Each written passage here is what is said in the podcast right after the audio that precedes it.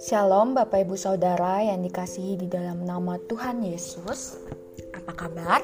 Saya percaya bahwa kita dalam keadaan yang sehat, amin Puji Tuhan Bapak Ibu Saudara, kita kembali diberikan kesempatan untuk memulai hari yang baru pada hari ini dan bersyukur atas nafas kehidupan yang Tuhan Yesus sudah berikan kepada kita. Nah, Bapak Ibu Saudara, pada pagi hari ini kita akan kembali merenungkan kebenaran firman Tuhan. Namun sebelum kita merenungkan kebenaran firman Tuhan, mari kita bersatu di dalam doa. Kita berdoa. Tuhan Yesus yang baik, kami bersyukur atas hari baru yang kembali Engkau berikan kepada kami. Pada saat ini Bapa, kami akan mendengarkan renungan daripada firman-Mu. Biarlah Engkau memampukan setiap kami untuk memahami firman-Mu dan melakukannya dalam kehidupan kami. Berkati hambamu yang akan menyampaikan, di dalam nama Yesus kami berdoa, haleluya, amin. Pagi hari ini kita tiba pada seri pembacaan dari kitab Ayub pasalnya yang ke-28. Mari kita sama-sama buka Alkitab kita Bapak Ibu Saudara. Bapak Ibu Saudara, eh, kita melihat pada pasal ini Lembaga Alkitab Indonesia memberikan judul yaitu manusia tidak dapat menemukan hikmat. Nah, sangat jelas ya Bapak Ibu Saudara bahwa pasal ini menuliskan bagaimana Ayub berbicara mengenai hikmat. Ketika kita mendengar kata hikmat, sering kali kita menganggap bahwa definisi daripada hikmat itu atau arti daripada hikmat itu sama dengan arti orang yang berpengetahuan atau orang yang pintar. Akan tetapi Bapak Ibu Saudara, kata hikmat di sini memiliki pengertian yang berbeda daripada arti kata pengetahuan dan juga kepintaran. Nah, kata hikmat jika kita melihat dalam Kamus Besar Bahasa Indonesia sendiri memiliki arti yaitu sebagai kebijakan, kearifan atau kesaktian. Nah, sedangkan ketika kita bandingkan dengan arti kata pengetahuan adalah segala sesuatu yang kita ketahui berkaitan dengan ilmu atau hal-hal yang kita pelajari. Bapak Ibu Saudara, berdasarkan kedua arti ini arti kata ini, maka kita dapat menyimpulkan bahwa memiliki hikmat dalam kehidupan kita sesungguhnya jauh lebih berguna daripada kita hanya memiliki sebuah pengetahuan atau kepintaran. Tidak heran ya Bapak Ibu jika kita jika pada pasal ini Ayub membahas mengenai hikmat. Kemudian Bapak Ibu Saudara, pada pasal ini dalam pembahasan hikmat Ayub membagi menjadi dua bagian, di mana bagian pertama Ayub melukiskan sebuah kepintaran yang dikaruniakan kepada manusia oleh Allah, di mana manusia itu mampu untuk menemukan sumber alam seperti emas, perak, besi, dan tembaga, sebagaimana yang sudah dituliskan dalam ayat yang pertama sampai dengan ayatnya yang ke-11. Kemudian Ayub juga memperlihatkan bagaimana kehebatan manusia yang melampaui burung dan binatang terkuat sekalipun dan keahlian manusia yang sangat nyata.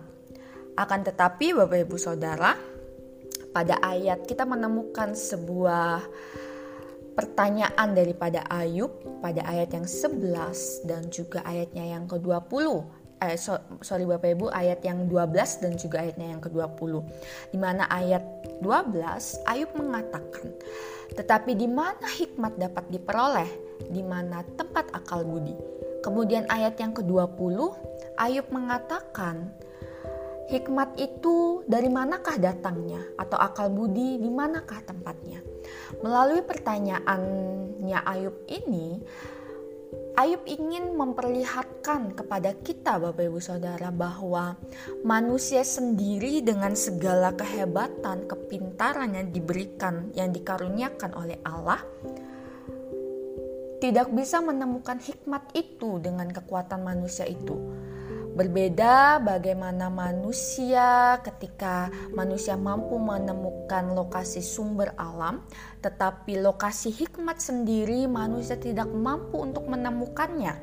Tidak heran jika Ayub berkata pada ayat 12 dan juga 20, di manakah hikmat itu dapat diperoleh, di manakah hikmat itu tempatnya.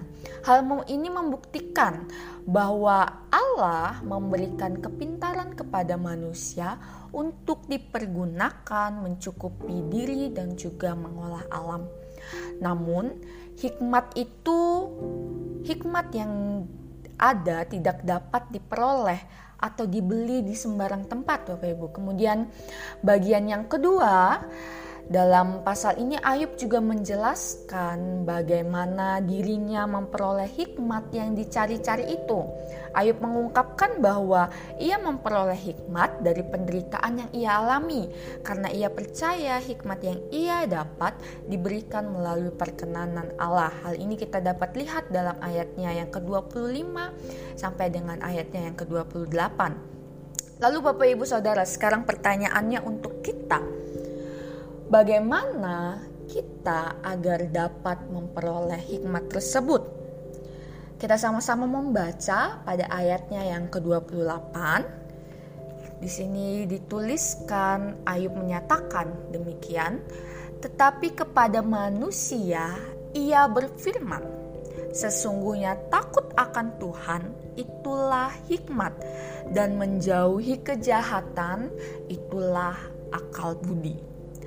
Pada ayat ini sangat jelas ya Bapak Ibu bagaimana cara kita agar kita dapat memperoleh hikmat tersebut yaitu dengan takut akan Tuhan. Berbicara dengan berbicara tentang takut akan Tuhan berarti adanya kesadaran bahwa kita memiliki Allah yang kudus. Kudus berarti tak bercela atau jauh dari perbuatan dosa.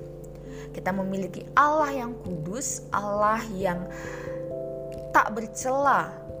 Dan perlu kita ketahui Bapak Ibu Saudara, bahwa takut akan Tuhan ini merupakan sebuah landasan dalam kehidupan kita sebagai orang percaya. Hal ini membuat kita sadar dan berwaspada agar kita tidak menyakiti hati Allah dengan perbuatan kita yang tidak sesuai dengan kebenaran firman Tuhan. Ayat yang 28 juga sangat jelas dengan adanya penekanan yaitu untuk menjauhi kejahatan. Berarti menjauhi kejahatan yang berarti hal-hal yang tidak menyenangkan hati Tuhan.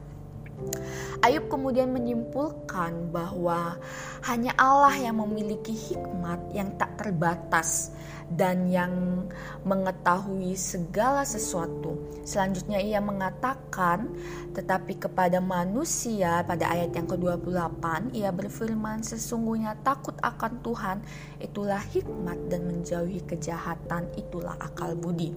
Ini merupakan sebuah kesimpulan daripada Ayub bahwa sumber hikmat adalah daripada Allah. Oleh sebab itu marilah kita untuk takut akan Tuhan. Kemudian dalam Kolose 2 ayat 3 Paulus mengatakan sebab di dalam dialah tersembunyi segala harta hikmat dan pengetahuan. Bapak Ibu Saudara, pada hari ini kita belajar dan kita percaya bahwa hikmat datang dari Tuhan. Dan bagaimana cara kita untuk dapat memperoleh hikmat itu adalah kita hidup dengan takut akan Tuhan, dengan memiliki kesadaran bahwa kita memiliki Allah yang kudus. Oleh sebab itu, takutlah akan Tuhan dan jauhilah kejahatan, maka kita akan memperoleh hikmat yang sejati. Amin, Bapak Ibu Saudara. Demikian renungan firman Tuhan pada pagi hari ini. Tuhan Yesus memberkati.